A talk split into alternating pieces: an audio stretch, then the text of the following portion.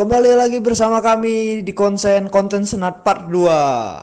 Nah, sekarang ini sih lebih pengen yang potong tadi nih toh. Soalnya UKT ini kan masalah semuanya di Ya, umum kan. agak Iya. gimana gitu ya kan UKT ini. Nah, masalah ini tadi Bang, apa sih yang kalau dari Abang sendiri nih dari kabinet juang kemarin terus ka- sekarang jadi menteri agama di kab- kabinet balik kita apa yang udah dicapai di Kementerian Agama ini dan apa yang udah di ini Bang Oke, kita jelaskan dulu Kementerian Agama itu apa sih? Oh. Padahal kan kita juga punya UKM-UKM yang basisnya agama. Misalnya di Islam ada LDK Madani. Iya. Di Kristen itu ada dua kan, ada KMK dan PMK dan lain sebagainya. Jadi kalau Kementerian Agama ya sudah saya jelaskan di awal tadi.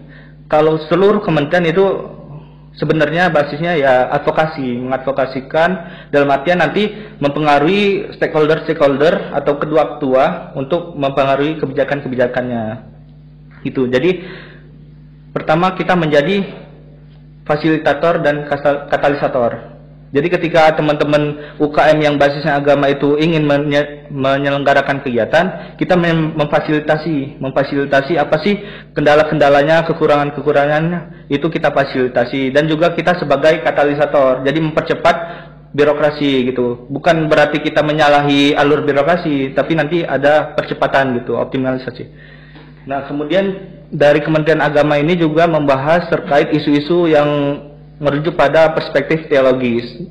Jadi apa pun permasalahan baik itu di lingkup kampus, daerah ataupun nasional gitu ya, yang menyinggung aspek-aspek teologis itu kita siap kaji. Contohnya kemarin ada RUU PKS, di mana RUU PKS itu ada upaya eh, apa sekularisasi agama gitu. Kemudian juga ada maraknya LGBT. Hmm. LGBT kampus di kampus ITERA ini saya rasa sudah keluar koridor. Jadi sudah berbahaya. Makanya kemarin kita sudah melakukan pencerdasan gitu pada teman-teman yang dalam hal ini apa ya sudah terjangkit virus yang lebih bah- berbahaya daripada Bahaya. virus corona yaitu virus LGBT gitu kan. Merusak merusak otak juga nanti berdampak kepada lingkungan sosialnya gitu. Kita sudah melakukan upaya-upaya terbaik di mana kita tidak melakukan intim- intimidasi secara langsung gitu. Tapi yang saya bingung kenapa teman-teman LGBT ataupun penggiat LGBT itu menganggap kita mengintimidasi. Padahal kita sudah pakai cara-cara halus. Kita ingatkan terlebih dahulu bahwasanya LGBT ini eh, apa ya antitesis dari teologis.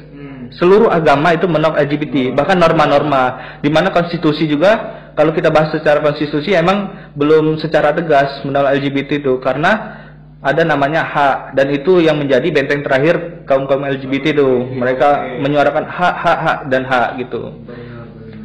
Dan kalau kit- kalau saya anehnya ya kepada teman-teman pengan LGBT ini mereka merujuk pada konstitusi barat sedangkan mereka tinggal di timur, gitu. Di mana Indonesia sendiri itu apa hal-hal yang mendasari terbentuknya atau dirumuskannya konstitusi itu ya berkaitan dengan agama dan norma dan segala macam. Dan perilaku mereka ini sangat sekali bertentangan dengan norma-norma yang ada. Jadi kita masyarakat umum masih menganggap mereka ini sebagai abnormal gitu. Nah itu terkait isu-isu. Kemudian juga ada kebijakan-kebijakan. Misalnya gini kemarin di awal saya dilantik gitu ya, saya menemukan permasalahan adanya munculnya UKM baru yang apa ya menganut ideologi eksternal, eksternal. Sedangkan di ITERA ini masih ilegal organisasi eksternal itu nggak boleh masuk. Bahkan di di statuta ataupun di peraturan rektor kan nggak ada organisasi eksternal dan saya juga masih membatasi organisasi eksternal itu. Nah kemarin itu ada salah satu UKM yang berdiri di ITERA di mana SK-nya sudah keluar, tapi di dalam ADRT-nya itu termaktub atau tertulis ideologi-ideologi eksternal. Nah di situ Kementerian Agama yang berperan karena kemarin kebetulan sudah lolos di Senat, sudah lolos di Senat, SK-nya sudah turun. Artinya sen- Senat yang sebelumnya itu tidak mengkaji secara dalam. Tunggu tunggu berarti kalau dia lolos di senat itu itu regulasinya yang dilakukan pa- daripada tuh sudah hampir final gitu ya. Iya, artinya sudah benar-benar SK-nya sudah turun waktu itu. Hmm. Karena dulu ada wacana ingin pelantikan serentak kan di bulan apa ya Februari atau Maret. Jadi SK-SK yang sudah mengajukan itu diturunkan. Nah kebetulan salah satu UKM ini apa sudah ada gitu. Selain dia juga memasukkan eh, ideologi eksternal, dia juga sudah bertentangan dengan eh, apa ADRT dari UKM satunya. Karena di ADRT salah satu dari yang lainnya itu menjelaskan bahwasannya saya sebut saja Madani ya. Di ADRT Madani itu sudah tertulis bahwasannya Madani adalah organisasi berbasis Islam satu-satunya, bukan salah satunya. Sa- Satu-satunya. Satu-satunya yang ada di ITERA. Nah, ini sedangkan juga berbasis Islam. Jadi ya kemarin kita apa ya kita buat polanya polanya bagaimana ini tetap berlanjut tapi tidak menyalahi aturan jadi nanti madani ini difokuskan kepada pendakwahan pendakwahan Islam dan ini kepada peningkatan uh, prestasi akademik yang satunya ini gitu kemarin kita ubah jadi di situlah peran peran penting dari Kementerian Agama jadi pengadvokasian jadi kemarin yang melanggar itu kita suruh ubah ADRT-nya keseluruhan dan bahkan atributnya pun kita suruh buang gitu. Jangan sampai dibaka- dipakai lagi di kampus. Mungkin itu ya dari Kementerian Agama. Kemudian juga karena Kementerian Agama ini di bagian Kemenkuan internal, Kementerian internal. Jadi kita juga fokus ke interna- inter- internalisasi. Kita tahu bahwasannya egosentrik dari himpunan itu kan cukup tinggi ya.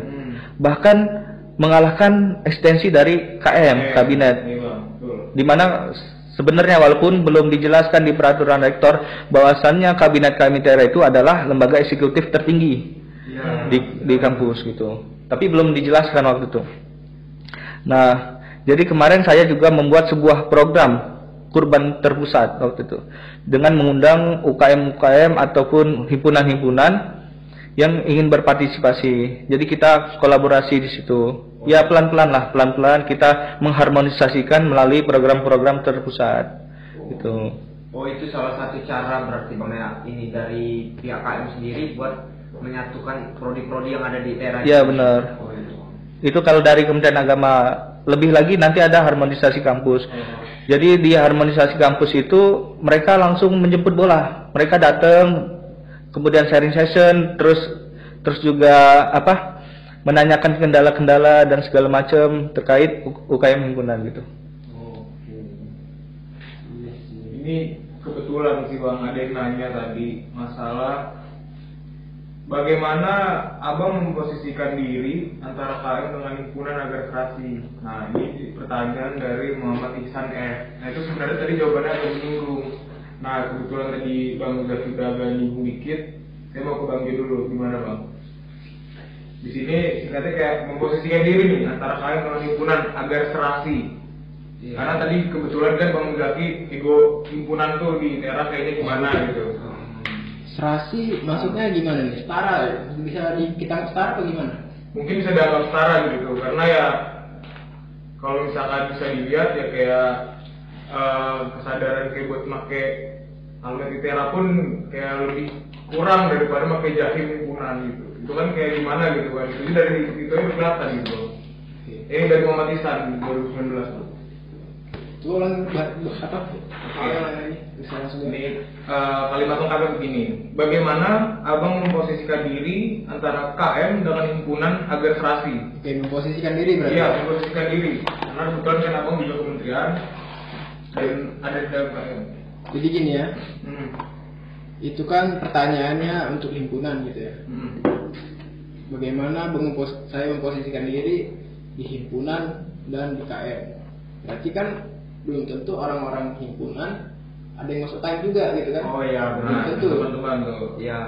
Dan juga gini, belum tentu, belum tentu yang orang misalnya dia non himpunan, Heeh. ada yang non himpunan ya, dia masuk KM nih, masuk apa namanya lembaga apa eksek lembaga kabinet KM, dia Iya. masuk kabinet kabinet. KM, tapi dia non him, tapi dia non him, berarti kan nggak bisa masuk pertanyaannya kan Oh, iya. Oh iya, karena dia KM tapi non him. Iya. Nah di sini kan pertanyaannya menserasikan antara Iya. himpunan berarti dan KM. nah itu berarti pas benar jawabannya sama saya berarti ya Iya. Iya Pak, berarti apa tem temen yang naiknya si Muhammad Isan ini mungkin melihat, yuk abang ini kayaknya di himpunan sama di KM dia jalan kayak gitu. Gimana tuh bang cara tipsnya mungkin dia nyala bang? Oke, jadi gini, eh, yang saya terapkan dulu waktu itu memang agak kita harus memilih ya. Oh, Kita harus memilih di mana kita lebih memprioritaskan kemampuan kita gitu. Memprioritaskan. Jadi kalau kita sudah milih mem- lebih memprioritaskan kita si A, kita harus mengurangi yang si B gitu. hmm. Mengurangi. Maksudnya mengurangi ini bukan mengurangi ininya ya. Bisa bisa dibilang mengurangi fokusnya gitu Oh, karena kan kita bisa tahu nih kalau misalnya di di di A saya jadi anggota di B saya punya jabatan yang lebih gitu Ya. masuk jabatan ini bukan berarti kita orang tinggi gitu ya Ah. maksudnya lebih punya tanggung jawab yang lebih besar, gitu Ah. tanggung jawab yang lebih besar artinya kita lebih memprioritaskan di si B tersebut Oke. agar kita bisa Melaksanakan tanggung jawab. melaksanakan tanggung jawab dengan baik gitu dengan benar juga pasti banyak kajian-kajian yang dilakukan apalagi kalau di kementerian ya kementerian KM Tera gitu ya dari kementerian bisa dikaji bisa kita bisa minta bantuan kajian juga ke kementerian lainnya gitu yang ber- ber- bersangkutan gitu. Pasti banyak fokus panjang yang harus dilalui gitu. Misalnya ada satu isu aja gitu. Contohnya isu-isu kecil aja. Misalnya isu kecil yang ini ya kalau kalau di dulu tuh ada di depan Itera. Oh. itu kan banyak geng motor ya? Oh, iya. Geng motor jalan Pak. itu udah isu, isu kecil menurut saya ya. Itu menurut saya isu kecil kenapa isu kecil karena dengan 2008 tahun mendatang misalnya 2018 itu pak memang jalan itu sudah dilalui sudah diakseskan menjadi jalan lintas gitu kan ya dengan sendirinya mereka akan ter- terusir gitu Iya. dengan sendirinya gitu tapi kajian itu panjang banget ada sampai ke polsek lagi lah segala macem lah gitu ya Oh, iya. Udah sejauh itu bang ya kajian Udah. kajiannya. Nah itu jadi kita harus memprioritaskan diri kita lebih ke ini ya ta- tanggung jawab itu di mana yang lebih besar gitu. gitu. Coba kalau sekarang saya mau ke Bang Zaki gimana menurut Abang? Untuk Oh, menyelar berapa, Bang, pertanyaan, Bang.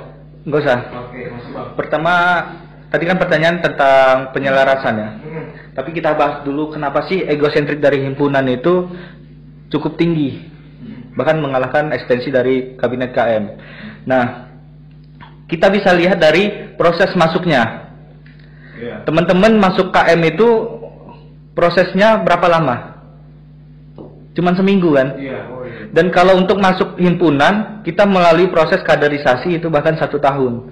Di mana ya setiap hari bahkan ya kita kumpulan terus di apa ya dilatih lah pokoknya.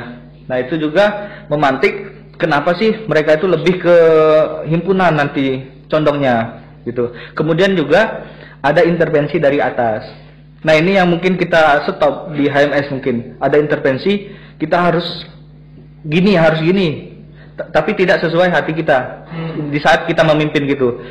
Kalau teman-teman bisa lihat di apa ya politik praktis ya.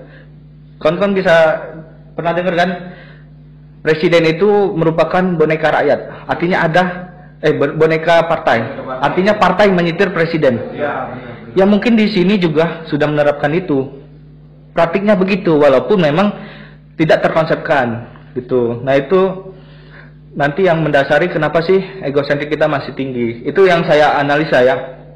Kemudian juga kita kan ada budaya supporteran. Nah, Nah, ada pergeseran paradigma di situ, di mana kita mengutamakan mendapatkan apa namanya best supporter ya, Ya. dengan teriak-teriak, kemudian rusuh, paling sombong lah segala macam daripada mendapatkan piala eh, kemenangannya Ya, gitu.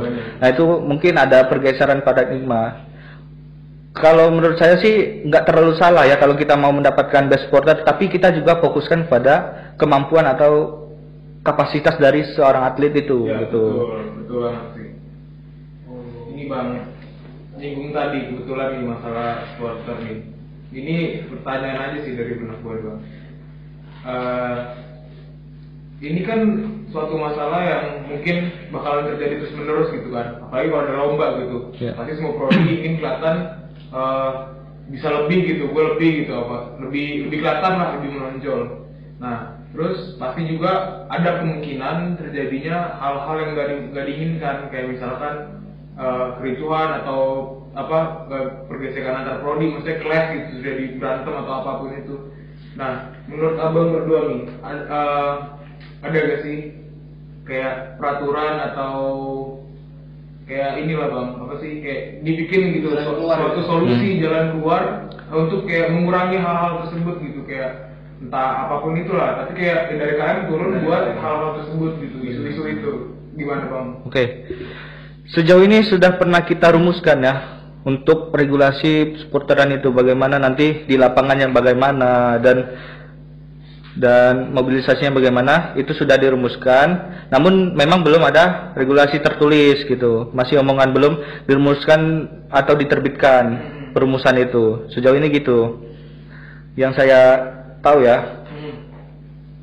Menurut Bang Jo gimana Bang? Mungkin Bang ada Jo, tambahan nih dari boleh Oke, masuk bang jadi untuk meretas daripada semua permasalahan mahasiswa kita hampir pusingan gitu ya. Ya daripada PHKM tahun 2018-2019 karena di sana juga kita selalu terhenti pergerakan itu bukan eh, ya ter- terhalang lah Hmm. terhalang. Terhalang itu senat kita juga kurang ini ya.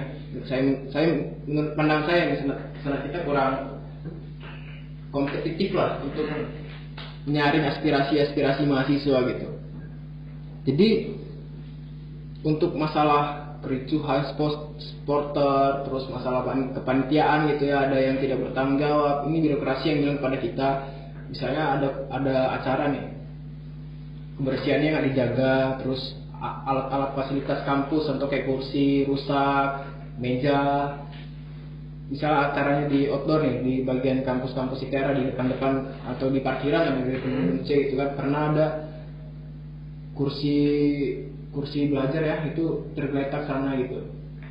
Jadi itu keluhan-keluhan daripada birokrasi. Nah untuk menjaga itu kita bulatkan menjadi satu titik atau satu satu ini satu komitmen namanya. Jadi kita buat komitmen KM pada Oke. tahun 2018-2019 dan ini dikumandangkan pada saat penerimaan mahasiswa baru jadi pas upacara itu dibacakan secara resmi jadi komitmen KM ini sudah ditandatangani oleh rektor dan disahkan oleh rektor juga gitu komitmen KM kita mungkin saya boleh baca isinya Oh, boleh, boleh, boleh, Bang. itu, Bang. Boleh bener, Komitmen Bang. KM. Oh, sebelumnya berarti ini komitmen KM dari tahun lalu gitu bang ya? Iya. Nah ini komitmen KM ini saya harap harapan saya juga itu bisa berkontinu berkelanjutan ya. Oke. Digunain se- sebaik mungkin.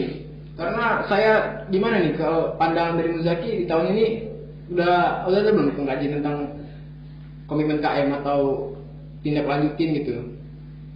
Kalau pengkajian mendalam saya rasa belum ya. Belum. Tapi tahu ya. Tapi tahu kita juga memegang teguh komitmen itu. Oh.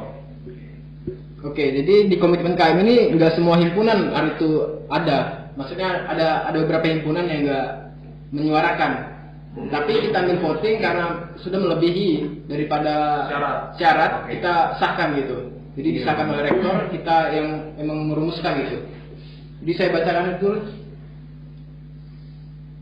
Komitmen mahasiswa Institut Teknologi Sumatera dengan berlandaskan Pancasila, Undang-Undang 1945 dan Tridharma Perguruan Tinggi, kami keluarga mahasiswa Institut Teknologi Sumatera dengan ini berjanji dan bersungguh-sungguh bahwa poin pertama menjunjung tinggi dan menjaga nama baik alma mater Institut Teknologi Sumatera. Itu kita udah paham ya artinya ya. Ya. Menjunjung tinggi dan menjaga nama baik. Kalau kita supporteran di luar nih ya, Iya. kita harus jaga nama baik dong. Ya. Biarpun yang berlaga itu himpunan antar Himpunan, gitu ya, kan. prodi. Prodi. Tapi tetap di bawah nama KM, Ya. daerah gitu. Benar, benar. Biarpun mereka kelasnya di mana di misalnya di luar provinsi juga gitu ya. Tetap mereka organisasi ITERA, tetap Ya. kita yang mewadahinya gitu. Tetap ujung-ujungnya ke kita juga gitu. Kita harus ambil alasan, makanya kita bikin ini. Dan yang kedua, saling menghargai dan menghormati perbedaan antar lembaga dan sivitas akademika si Institut Teknologi Sumatera. Saling menghargai dan menghormati perbedaan antar lembaga. Oke. Sivitas ya. Kita sivitas ini udah udah merangkum semua nih. Mau dia satpam juga sivitas. Iya, betul. Mau dia satpam itera gitu ya.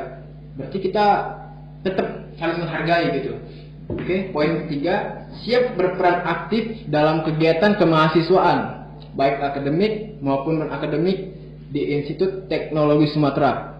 Nah, itulah kegiatan-kegiatan kita keluar. Mi- eh, ada kegiatan himpunan yang misalnya kayak HMS dia ada apa namanya?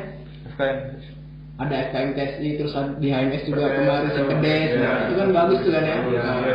Pengabdian juga. pengabdian kan nah itu yang keempat bersedia dan siap bekerja sama antar lembaga si- dalam sivitas akademika untuk Institut Teknologi Sumatera. Bersedia dan siap bekerja sama antar lembaga. Nah itu. Jadi misalnya kalau kalau dia kolek nih ada program kerjanya si bekerja sama dong. Atau di misalnya kam- kampus nih kampus nih memberikan apa kayak prokja atau kerjaan ke desa gitu kan. Misalnya penelitian atau apa gitu terus yang diminta tuh misalnya si bisa matematika untuk ininya gitu kan Iya. bisa, ber- bisa bekerja sama gitu Harus Jangan- siap ya kan? iya jangan waduh ini misalnya mereka lebih diunggulkan sini kita Ah, terima gitu iya. gitu oke Oke, oke bang. dan yang kelima nih, bertanggung jawab atas fasilitas yang digunakan dalam kegiatan mahasiswa. Nah ini kita harus bertanggung jawab nih, contohnya kayak listrik gitu ya, listrik, terus kayak AC gitu. Kadang saya juga jalan gitu ya, ada ruangan yang AC-nya itu ada orangnya gitu. Nah, itu ya siapa tuh ya? AC nya hidup di ruangan, tapi orangnya nggak ada gitu.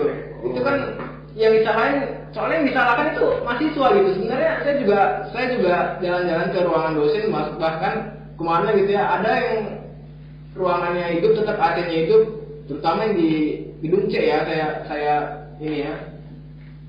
Itu ya yang tetap salah mahasiswa gitu. Nah, gimana tuh ya? Kawan-kawan gimana coba? itu keluhan dari atas kemarin Eh, khususnya yang kita dapat lah yang kita dengarkan gitu dari kemahasiswaan juga tahun lalu banyak kritik tentang kok mahasiswa tuh apa ya kita sebagai kalian jadi mahasiswa kurang ini kurang kompeten dalam hal ini hal ini hal ini gitu padahal dari segi him, apa organisasi contohnya kayak himpunan UKM itu gimana kita bisa mau berkembang gitu contohnya untuk anggaran yang diberikan kampus itu ada dana ya buat apa ya buat organisasi Oh, sama iya. dia 4 juta dulu tahu saya tahu 4 juta satu tahun Oh itu ada dana ya bang ya? Baru tahu juga sih. oh, iya ada dana jadi 4 juta satu tahun. satu tahun 4 juta jadi kan satu tahun itu ada dua semester tuh Oh. semester satu semester ganjil sama semester genap berarti bisa dicairkan dua dua juta dua juta gitu kan tapi regulasinya itu sangat sulit gitu. Karena karena untuk mendapatkan uang tersebut kemungkinan fullnya itu bisa dikatakan kisaran 80% full ya. Full. 2 juta per semester itu. bisa dikatakan 80% nggak full jadinya dari kita. Misalnya limitnya 2 juta ya? Iya. limitnya per semester 2 juta bisa aja yang dapat itu 1,8 atau 1,5 atau 1, itu nggak full gitu Oh berarti ada kemungkinan bukan 2 juta. bukan Berarti bisa ya 1 juta atau bisa berapa? tergantung acaranya gitu Iya iya iya. iya. Dan izin aja bang ya. Ah. Berarti itu kan per semester. Iya, per Nah, semester. berarti kemungkinan semester 1 misalkan eh semester genap misalkan dia dapat 1 juta. Semester ganjil ada kemungkinan juga dia dapat misalnya 1,5. Maksudnya pasti beda dong bang. Hmm. Nah itu berarti eh, setiap semesternya organisasi ini ngajuin regular apa ngajuin itu loh apa yang kayak yang proposal. yang, proposal gitu. ya, yang saya ini yang saya tahu intinya ITERA itu satu tahun jangkanya Oh. jadi satu tahun itu ada dua semester kan Ah. pokoknya satu tahun itu 4 juta mereka memberikan dana setiap ya organisasi Oh. mau dia himpunan sama UKM itu setara setara. setara Mawa gitu bang ya?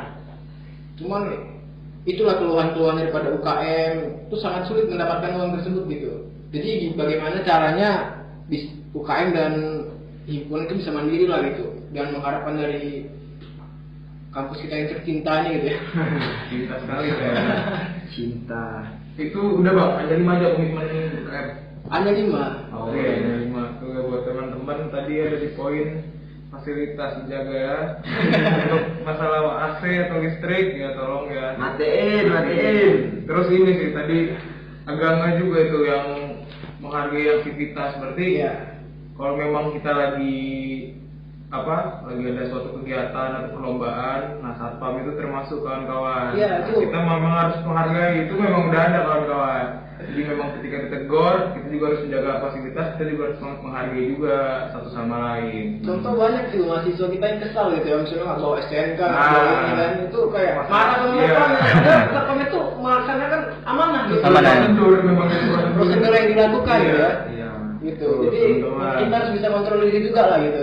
udah ada tuh komitmen KM Iya. Nah dari tadi kan kita bahas isu nih, tadi ya. itu kita udah ada dua orang nih yang langsung eh, apa gimana ya ngomongnya buat temen-temen nih. Langsung terjun di dunia KM-nya lah istilahnya. Ada dua Ya. orang yang udah dapat fakta-fakta tadi dari abang-abang ini. Dan mungkin ini ada pertanyaan lagi nih bang dari kawan dari Toho Roni nih bang. Eh, ya Toho Roni nih. Lu, gue mau nanya sebelumnya Sorry, ini agak mundur ya. Iya. Para Oke. pendengar, maaf nih dari Iya. abang-abang di sini Ini sebenarnya tadi udah dibahas sedikit Cuman mungkin buat eh, di sini kan tujuan kita buat pencerdasan Misalnya mengedukasi gitu kan, pengenalan Ini sebenarnya ada pertanyaan yang tadi di awal mau ditanyain Dari Andika Setio Apa perbedaan Senat KM dengan Kabinet KM? Dan apa saja fungsinya dari masing-masing ini? Apa perbedaan dan fungsinya bang dari kabinet dan senat? Siapa? Menjawab. Apa? Boleh. Abang? Aku. Ya, jadi Ya. kan dari awal udah saya bilang ya. Ya, Jadi kalau kita lihat kayak seperti pemerintahan Indonesia itu memakai sistem Ceres Politika ya. Ceres Politika itu ada lembaga eksekutif, lembaga legislatif dan lembaga Yudikatif. Jadi KM ITERA yang kita sebut KM ITERA mempunyai dua di bawahnya itu lembaga eksekutif dan lembaga legislatif. hmm. Siapa lembaga eksekutifnya? Lembaga eksekutifnya itu adalah Kabinet KM ITERA. Siapa lembaga legislatifnya? Lembaga legislatifnya adalah Senat KM ITERA. Jadi fungsi daripada si eksekutif dan legislatif itu mungkin kita udah tahu ya eh, garis besarnya ya. Garis besarnya, iya. Kayak kita bisa contoh lah kayak Presiden Joko Widodo ya. Ah. Presiden RI ya sama anggota DPR. DPR. Nah, gitu. Jadi DPR itu adalah senat apa adalah legislatif. Ya, oh iya. legislatif di Indonesia DPR ya. Sama seperti di eh, di organisasi KM ini legislatif itu ya itu Senat. senat senator gitu. Jadi masalah ADART unda- eh, Hmm, itu. ADART KM ya itu mereka yang ini Mereka. punya tab gitu ya. Tahu tabnya? Tak KM. oh, kayak tetap Tab senat. ya, tab senat. tab senat gitu. Oh iya bang. kayak yang rancang undang-undang apa namanya ada undang RUK tuh rancangan Undang-undang kan eh kan kaderisasi Oh, terus iya. itu RUK. segala macam lah. Oh, iya. tapi yang kurangnya kita tuh yudikatif ya. Jadi kalau misalnya si senat ngelakuin kesalahan gitu siapa yang bisa menurunkan atau mengkaji lah kesalahan tersebut gitu. Karena si senat ini punya power gitu ya punya power yang kuat. Cuman yang saya lihat power senat sampai saat ini masih tergolong ini lah masih tergolong belum Iya. belum mampu untuk untuk Menjalankan tupoksinya. ah, menjalankan fungsinya se, se- seharusnya gitu ya Ya, seharusnya seharusnya. legislatif gitu ya Iya, seharusnya legislatif seperti apa mereka belum belum saya lihat sampai sekarang ini pandangan saya belum belum mampu gitu Kalau Bang Jaki sendiri gimana bang? Ya benar apa yang dikatakan Bang Jo tadi bahwasannya kita memakai sistem apa trias politika ya. Jadi di sana ada eksekutif, kabinet sebagai eksekutornya, kemudian ada legislatif yang senat ini melegislasi program-program kerja yang dirumuskan oleh kabinet gitu. Misalnya kabinet melakukan perumusan program kerja. Nah, kemudian senat apa fungsinya? Senat itu nanti pertama menyelaraskan sesuai nggak program kerja yang dirumuskan itu dengan GBHP gitu garis besar haluan program kerja yang dibikin oleh senat sesuai nggak kalau sesu- sudah sesuai maka itu sudah disahkan oleh senat gitu. Nanti disaksikan oleh ketua-ketua himpunan gitu. Perwakilan-perwakilan himpunan. Itu itu kurang lebihnya begitu. Jadi kabinet sebagai eksekutor kemudian senat sebagai legislatifnya. Gitu teman-teman. Dari tadi kan ngebahas udah agak jauh teman-teman. Kayaknya mungkin baru paham nih masalah perbedaan senat dan Iya. kabinet. Sorry ya baru takutnya dari tadi ngebahas nggak tahu perbedaan senat dan kabinet Benar, benar. Benar-benar karena kebanyakan dari mahasiswa-mahasiswa ini yang menganggap bahwasanya ka- kabinet itu KM. Iya. Jadi KM itu ya kabinet aja. Iya. Padahal bukan. KM itu keseluruhan di mana di dalamnya ada kabinet, ya ada senat dan Nah. elemen-elemen tambahan gitu.